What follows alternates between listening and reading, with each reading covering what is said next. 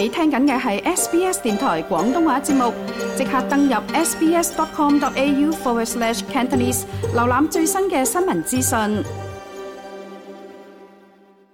大家好啊，我系胡天能啊，又嚟到咧澳洲招职嘅呢个节目环节啦。今日咧我哋都好高兴咧，继续请嚟人力资源顾问 James Low 咧，同我哋咧一齐做节目噶。嗱，上一集咧就同大家讲咗咧人力资源顾问系做啲咩啊。咁今集咧系有啲特别嘅，咁我哋就讲下一啲运动嘅教练，咁系咩运动咧？咁咧就系羽毛球教练呢个工种。其实咧喺澳洲咧，原来咧都有好多华人咧系去做噶。系啦，咁啊 James 你好啊，喂，你好啊，我哋又见面咯噃，系啊。好开心咧，再次同你做节目。今日咧，我哋都讲咗，就话想介绍一下羽毛球教练呢个职业。咁其实咧，想问下你啦，喺澳洲做羽毛球教练咧，系需要具备啲咩资格嘅咧？嗱，其实我自己咧又做开运动嘅，咁我每个礼拜都有打波嘅。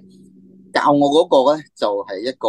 讲广东话嘅羽毛球教练嚟噶，好多人都会问啦，咦喂，咁其实点样做到羽毛球教练噶？咁于是乎咧，我就请教咗我自己教练啦，就喂你点入行噶咁样？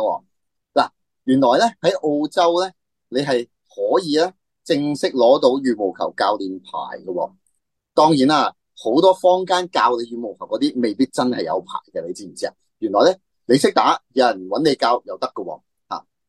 当然，你考到牌就梗系更加好啦。其实咧，我哋都需要一个专业嘅资格啦。咁如果喺澳洲呢度咧，做一个合资格嘅羽毛球教练咧，系需要啲咩条件咁样噶？嗱，其实咧，大家唔好睇笑咧，教羽毛球，咦？喂，我识打波，咪可以教咯？其实所有运动咧，如果你系要攞到嗰个教练牌咧，有几样嘢一定要留意嘅。第一样嘢咧，你一定要考翻一个叫做。Work with children check，因为咧喺澳洲咧好多唔同嘅工作，甚至义务工作咧，佢都需要咧你系先学习咧点样同细路仔去相处嘅。嗱，当然就话喂，我咪教细路咪教细路咯，有咩需要相处啊？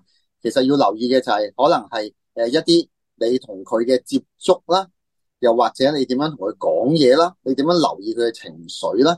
呢啲咧，原来咧都系一个运动教练，唔单止系羽毛球嘅，网球啊、游泳嘅教练啊，其实咧都一定需要咧，系先攞咗呢个 work with children check 噶。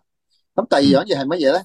第二样嘢咧就系咧，你咧可以咧喺澳洲嘅一啲运动协会度咧，就攞一啲叫做 coach ID card，你会系被 a s s e s s 嘅。真系，即系话咧，如果我要成为一个诶，即系攞住张卡，有人话诶，喂，你有冇教练牌噶？我要 show 个教练牌俾人睇嘅咧？你係需要咧，佢一個叫做咧，其實係一個澳洲嘅運動協會嚟嘅，佢咧係會發牌咧俾唔同嘅運動嘅教練嘅。咁你當中你要考牌啦，譬如話 s e s t 你啦，認為你係有合資格啦，達到某某一個嘅程度咧，佢先至咧會去俾你咧攞到嗰個教練牌嘅。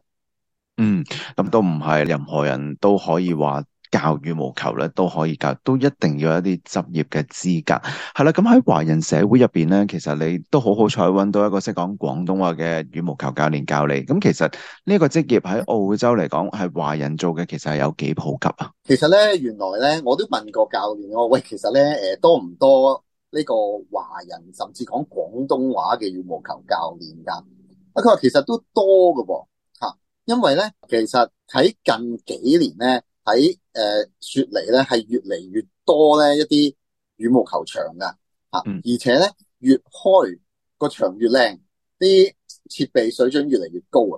咁而裏邊咧就有好多人咧就打羽毛球嘅。我逢禮拜二去打嘅時候咧，其實成個場咧，我哋講緊有廿幾個場啊，嗰個即係羽毛球場裏邊係全部滿晒。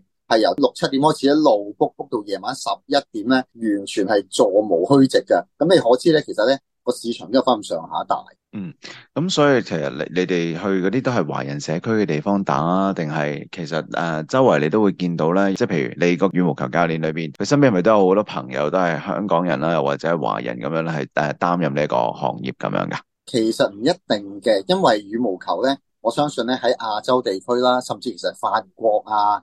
啊，甚至喺英国啊，其实咧都系会系都一项几 popular 嘅运动嚟嗯，吓，所以咧，诶，当然啦，咁喺羽毛球场度，大部分讲真嗰句，真系亚洲人多嘅，吓，包括诶香港人啊、中国人啊，或者系诶马来西亚、印尼啦，其实咧，甚至印度咧，佢哋咧个羽毛球水准都好高嘅，吓，所以咧喺当中咧系诶唔同嘅种族。都系有佢哋自己嘅羽毛球教练啦，第一即系同声同气啦，系嘛啊？第二样嘢咧，即系咧就去切合翻咧佢哋自己可能多元个文化个需求。咁咧，其实啦，喺澳洲做一个羽毛球教练啦，有冇一啲鲜为人知嘅一面啊？嗱，我咧就同教练倾话，诶，有冇啲咩咧？你觉得可以同我哋去 share 翻咧？你觉得咧系喺呢个教练生涯，佢教咗好多年噶啦，吓有咩好值得咧？佢去啊向我哋提翻咧？佢话其实咧，佢睇到咧，其实。系打羽毛球咧，令佢最满足或者咧最难忘嘅就系咧，佢可以一路睇住佢学生成长啊！因为咧好多学生咧系即系跟住佢，可能由细细个开始啊，十零岁一路打打打打打，打到廿零岁、卅岁诶，读书搵嘢做、结婚，对佢嚟讲呢个系一个好大嘅诶满足感啊！即系佢觉得啊，即系睇到啲小朋友咧一路去长大啊！因为咧佢话其实佢嘅学生咧。啊，year six 话最细嗰个系啊，但系最大嗰个咧成七十七岁噶啦。吓佢话啊，喺当中睇到就系咧，好多唔同年龄嘅人咧，都会系对羽毛球咧系咁有兴趣，就令佢咧就好开心啦，同埋佢教得咧就系即系好有满足感啊。咁呢个咧系佢俾到我睇到咧，佢喺嗰个教羽毛球当中最大嘅得着，即系我哋同佢学啦，我哋都四十几岁人啦，系咪吓？我哋去学羽毛球嘅时候咧，我哋好感受到咧，诶教练咧。